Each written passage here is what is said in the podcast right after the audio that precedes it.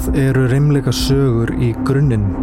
Eru þær aðeins dægra stytting eða svo kallar óhappa sögur sem hafa ákveði skemmtana gildi?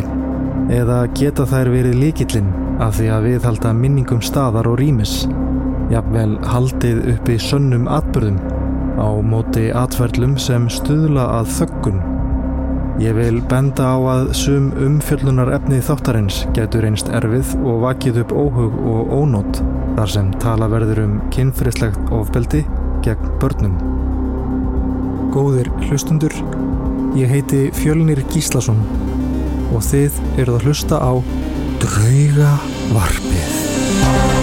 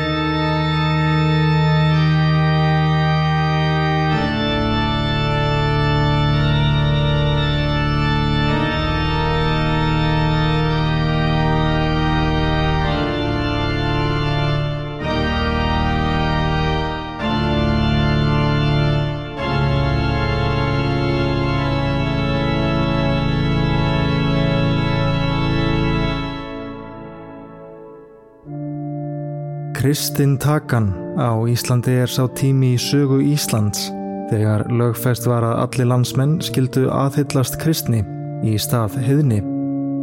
Miðað við tímatal þess tíma var Kristintakan árið þúsund og vanalega er miðað við það en samkvæmt nú gildandi tímatali var hún sumarið árið 999. Í kristni sögu frá 13. öld segir að Þorvardur Spak Böðvarsson hafi reist kirkju á bæsínum neðra ási í Hjaltadal 16 árum fyrir kristnitöku eða árið 984.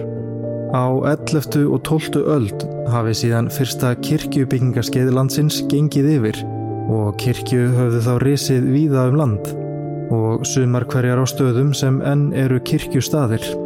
Aðrar hafa lagst af eftir lengri eða skemmri tíma og fallið í glimsku. Á þessu skeiði var kirkjustofnun veikburða í landinu og engin yfirvöld til staðar sem ákváðu hvar kirkjur skildur ísa. Það var því aðeins um enga framtak að ræða og allar kirkjur voru þá í enga eigu. Við kristintöku voru trúleysi og heðni á Íslandi bönnuð. Viðurlög við því að blóta á laun voru þryggja ára útlegð úr landi og í sömum tilfellum var fólk brent á báli. Kirkjur á Íslandi eru fjölmarkar og skiptast í ríkisregnar og söpnuði utan ríkisregstrar. Sögum þess geta upplýsingar um fjölda kirkna verið örlítið á reiki en talið er að þær séu um 400 talsins. Að því eru einni talin önnur guðshús, kapellur eða bænahús, til dæmis fríkirkjan í Reykjavík og í Hafnafyrði en þær tilhera ekki þjóðkirkjunni. Í mörgum kirkjugörðum er venjan að jarðsetja fólk þannig höfuðið vísar til vesturs en fætur til austurs. Ástæðin er svo að sólinn rýs í austri og var það gammal siður að þegar fólk var komið á fætur að morgni dags, gekk það út undir bert loft, snýri sér til austurs og syngdi sig. Kallaðist þetta að sækja daginn. Á sama hátt hafa kirkjur frá fornu fari snúið í austur og vestur þannig að kór og háaltari sem er þungmiðja kirkjunar er staðsett í austur enda. Margar þjóðsögurnar okkar eiga sér heimastað í kirkjugörðum til að mynda eigafjörða skotta, draugshúfan, draugurinn kynni og fleiri mætti telja. Í bókum Jóns Árnarssonar er gífulega mikið af slíkum sögum að finna. Margar þeirra sína eignig þróun landslags á Íslandi eins og sagan af kirkjunni í Geitlandi. Geitland er rauntunga mitt á milli geitar og kvítár sem tegir sig inn til jökla á milli Havarafells og Hádeilsfella. Geitland liggur undir Geitlandsrauni sem runnið hefur norður milli Havarafells og hæðana vestan geitar og hefur raunnið runnið úr gíg sem er upp undir jökli suður af Havarafelli. Það segja menn að raunnið í Geitlandi hafi eðurlagt nokkra bæi sem þar eiga hafa verið. Þykjast menn vita hvar kirkjan stóð því þar var kirkja og stendur nokkuð af túninu á kirkjustaðnum út undan rauninu. Einu sinni fór maður að grafa upp kirkjuna í Geitlandi. Byrjaði hann að högva raunskorpuna ofan af kirkjumæninum. En er hann hafði verið að í nokkra stund sá hann að kalmastunga var í ljósum logum. Hljóp hann þá frá og ætlaði að bjarga bænum en þegar hann kom þangað sá hann ekkert. Hann tók þessu sem merki um að álög kvíldu á kirkjusvæðinu og við þetta hættan.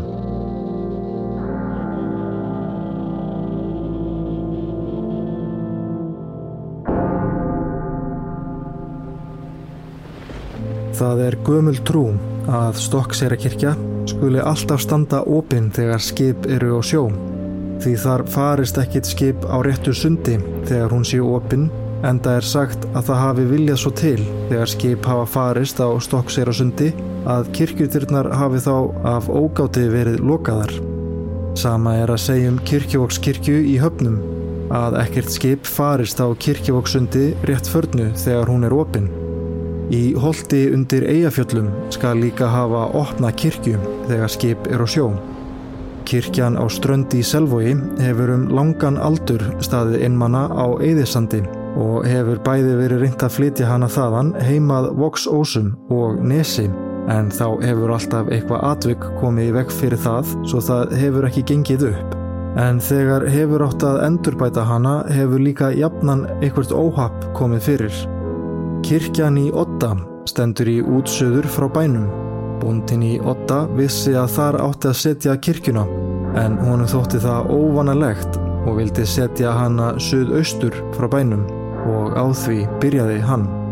En af einhverju ástæðu í hvert skipti sem morgun rann var það hrunið sem byggt var að kvöldi.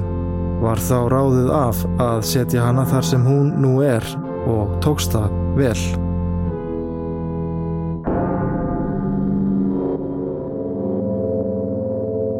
Árið 1890 voru tveir vinnumenn á Árbæ á Rángarvöllum út í kirkju að kvöldi dags að spila á orgelið og syngja. Fyrr um daginn hafði verið jarðaður á staðnum ungur bondasúnur frá Rauðalegg. Kom þá sá dauði inn í kirkjuna í líkklæðunum og gekk í áttina að orgelleikarunum. Varð honum mikið um sín þessa en ekki er þess getið að vofan þessi hafi sérst nema þetta eina kvöld. Einar Guðmundsson, smíður á brúnalegg við Sumarleðabæ, öðru nafni Einar í kofanum, varð einu sinni var við reymleika í Árbæjar kirkjum þegar hann gisti þar nokkra nætur, litlu eftir árið 1890. Einar þessi hafði þá sérfisku að vilja helst ekki sofa í baðstofu þegar hann dvaldi á bæjum við smíðar og að þessu sinni kaus hann sér kirkjuna sem náttstaf og svaf hann sunnanmegin í kórnum. Fyrstu nóttina var hann var við torkennilegan umgang, þá næstu einnig og þá var strókið létt yfir sengurklæði hans en hann sá samt engan. Þriðju nóttina var hurðum hrunduð upp harkalega og kvallega gengið innar að beði hans. Því næst var þreifað á fótum hans með rakkri og heldkaldri hendi. Af því búnu var hlúð að þeim og fötum þrýst tveim höndum þjætt fasta hliðum hans báðu megin, frá fótum upp undir hendur. Er þanga var komið þóttu honum nóg um. Hann reys upp og bjóst til varnar. Þá snýri hinn óséði gestur undan, snaraðist utar eftir kirkju og skellti hurðum hart á eftir sér. Þessi aðsókn endur tók sig þess að nótt alla í hvert sinn sem einar var við að festa svefn.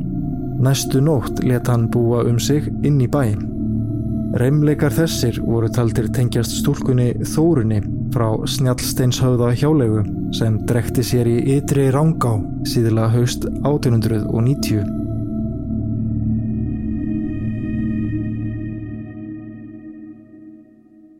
Landakotskirkja er staðsett í Vestubæ Reykjavíkur. Hún er einnig þekkt sem Kristkirkja og er domkirkja. Það er embættiskirkja biskups katholsku kirkjunar á Íslandi. Fyrstu katholsku prestarnir sem komu til Íslands eftir síðaskipti kiftu jörðina landakoti í Reykjavík og byggu á bondabænum.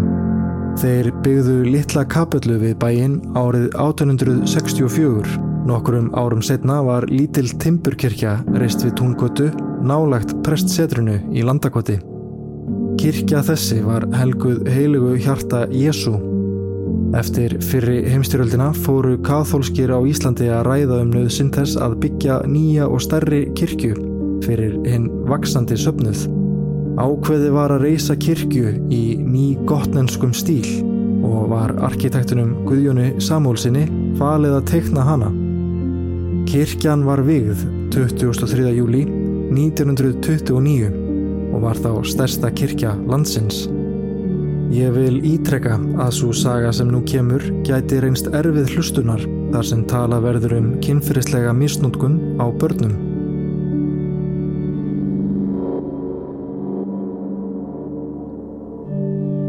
Árið 1994 var sér að Ágústi Georg veitt fólkaorða fórseta Íslands fyrir störf sín í Landakóts skóla Fjórum árum síðar mælti biskup katholskur kirkjunar á Íslandi með því að honum erði veitt sérstöku viðurkenning Páagarðs og lofað gott starf hans í skólanum.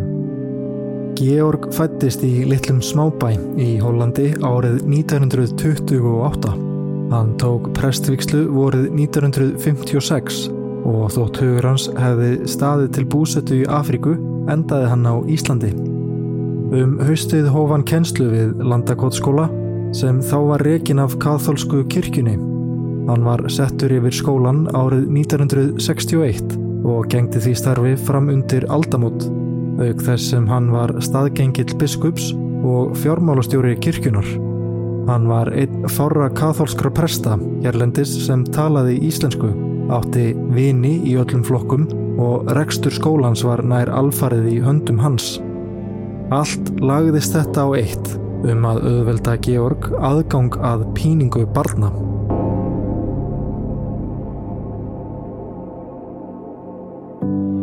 Georg síndi einnig mikinn áhuga á öðrum kennara skólans sem byrtist þó vantilega í meiri kærleik ef svo má segja. En það var til hennar Margreðar Muller sem starfað hafði í landakáttskóla í marga ára tugi. Megnið af þeim í skjóli Georgs sem ætíði lagðist gegn kröfum um að henni erði vikið úr starfi. Margret Muller fættist í Essen í Þískalandi árið 1933 og kom tvítug til Íslands á vegum kirkjunar. Fyrstum sinn vann hún á Landakots spítala en fyrir tilstilli Georgs og nunnunar Clementínu ferði hún sig yfir göduna í skólan. Þar gerðist hún bekkjarkennari 8 ára barna, tókað sér handvinnslukennslu og myndment. Hún sagði Hitler ágætan mann og starði sig að því að hann hefði tekið í hönd bróðurinnar. Í tæp 50 ár skundaði Margaret til þessa starfsins þótt hún væri allatíð léleg í að tjá sig og skilja nemyndur sína. Frá upphafi helgaði hún sig því óskipt að gera líf barnana eins ömulegt og verða mátti. Af einstakri Kosta Gefni samkvæmt einu þeirra. Hún hættist að klaðnaði barnana, útliti námsketu og heimilisaðstæðum. Snið gekk sum þeirra með öllu, refsaði öðrum af handahófi fyrir engar sakir, en hampaði börnum innan gæsalapra heldri borgara og góðra katholika. Þegar sá gállin var á henni nýtti hún sér valdastöðu sína fyrir brenglaðar kvatvísir sínar og beitti börnunum kynferðislega. Áverkar sáust oft eftir hanna og laug hún því oft að nefnandin hafi mist stjórn á sér og jafnvel verið andsettinn. Ítarlegar lýsingar komu fram í skýrslu rannsóknanemdar Kathólsku kirkjunar sem gerð var í ágúst árið 2011. Í þeirri skýrslu sögðu fyrirverandi nefnendur Margreðar hana klikkaða, geðveika, óréttláta, dind óta, ílmenni, bölvaða skeppnu, sálarmorðingja hræðilegustu mannesku og hreinræktaðasta satista sem þau höfðu kynst. Samkennarar hennar lístu henni hins vegar sem stórkostlega afbreyðilegri og hreitni ílsku. Hvað þetta varðar komst Georg ekki í hálkvist við Margreti. Hann var sagður grimmur, ofsafengin og ílmenni sem er kannski ástæðin fyrir því að hann vildi hafa Margreti nálagt sér og njóta liðsins hennar við uppeldi barnana. Í skýrslunni sögðu átta fyrverandi nefnendur við Landakotskóla nefndarmönnum frá ofbeldi að hálfu þeirra.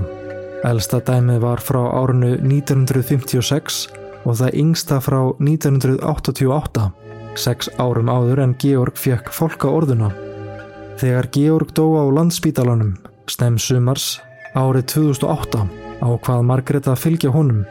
Um hausti þetta sama ár, slettri viku eftir að skólinn var settur, varpaði hún sér út um gluggan á törnunum í Landakotskirkju.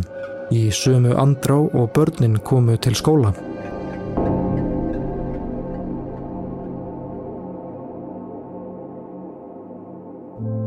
Fimm árum á undan, eða árið 2003, hafði Margret hætt störfum við skólan en bjó áfram í törnunum eins og hún hafði gert alla tíð. Orðrómur varum að þau Georg væru elskendur og stundum gisti hann hjá henni í törnunum. Öðrum kennurum mislíkaði sambandið, auk þess höfðu þau hýrt að framkomu Margreðar við börnin og hvernig allar tilraunir til að koma henni úr starfi höfðu endað með yngrypum Georgs. Um miðjan júli, sumarið sem Georg dó, tók annar kennari í skólunum sér gungu umhverfis kirkjuna, austur með gravreitnum og inn í skógin.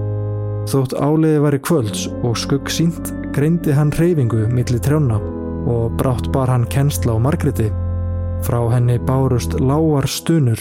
Á andlitinu var Greta sem tjáði innbindingu og sársöka blandin einhverju öðru. Hún virtist ekki vita fyllilega af sér. Satt klofvega á svolitlum trjátrumbi og nýtti til mjöðmánum svo að hrildi í henni. Þar til kennarinn laumaðist aftur sumu leið og hann kom. Sagan segir að orka Margreðar sé undarlega tengt skólendi í grend við skólan en engar skýra sögur fundust. En hver veit, kannski verða einhverjir hennar varir að fylgja hennar sjáist sitjandi klófvega á trádrömbi og vorkenni sjálfur sér, vitandi hvað býður hennar hinum einn er hún sapnar kjarki til að yfirgefa þennan jarnaska heim.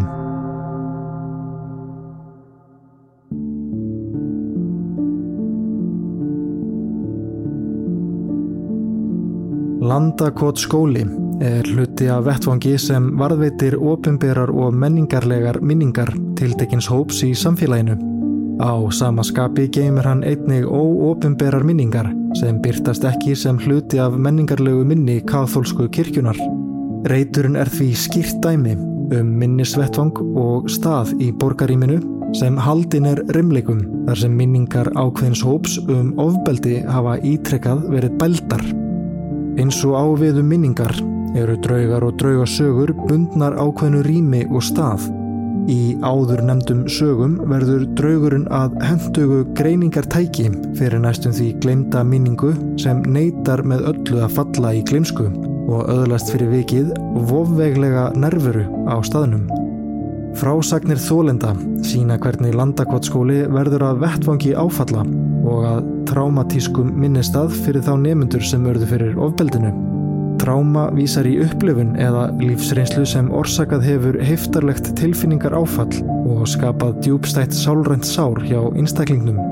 Landakot skóli er skýrt dæmi um minnislegan átaka flöt sem hýsir minningar ólíkra hópa og vísar um leið í ólíkar merkingar. Fyrir katholika á Íslandi verður hann hluti af heilugum stað og að saminningartákni einstaklinga sem tilherar þeim hópi. Þannig byrtist ofinber merkingans í menningarlega minninu en undir því yfirborði kvíla minningar sem forsvarsmenn katholsku kirkjunar vilja ekki viðurkenna nýja ræða um ofinberlega. Skísla sem gerð var af rannsóknanemnd katholsku kirkjunar sínir að kirkjan þakkaði ítrekað ofbeldið og meðan alþingi hefur náð þver pólitískri sátt um að greiða fórnalömbunum bætur er kirkjan ekki enn tilbúin að byggjast formlega afsökunar. Þöggun og afneitun kirkjunar er sennilega af ímsum rótum. Einn ástæðan gæti verið ótti við að ofbeldismálinn verði að ofinbörum minningum staðarins. En hvað sem aðgerðum kirkjuna líður verður tilvist þessara minninga ekki neitað. Þær gera landakott skóla en fremur að minningsvettfangi hlöðnum rimleikum sársöka fullra minninga sem með viðurkenningu alþingis fengu greiða leið að verða ofinberar og egnast hlutild í hennu stopnanavæta menningarlega minni.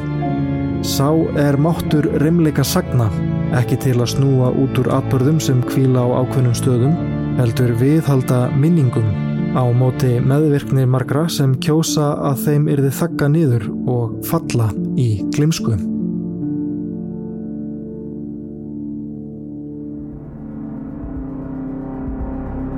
Við gerð þáttarins voru heimildir notaður úr þjóðsugur og munnmæli eftir Haldur Pétursson, Jón Þorkjálsson og Freisteit Gunnarsson, sagnir af Suðurlandi.is Rimleikari Reykjavík eftir Steina Braga og Rimleikari Reykjavík menningalegt minni og Borgarými eftir Veru Knútsdóttur.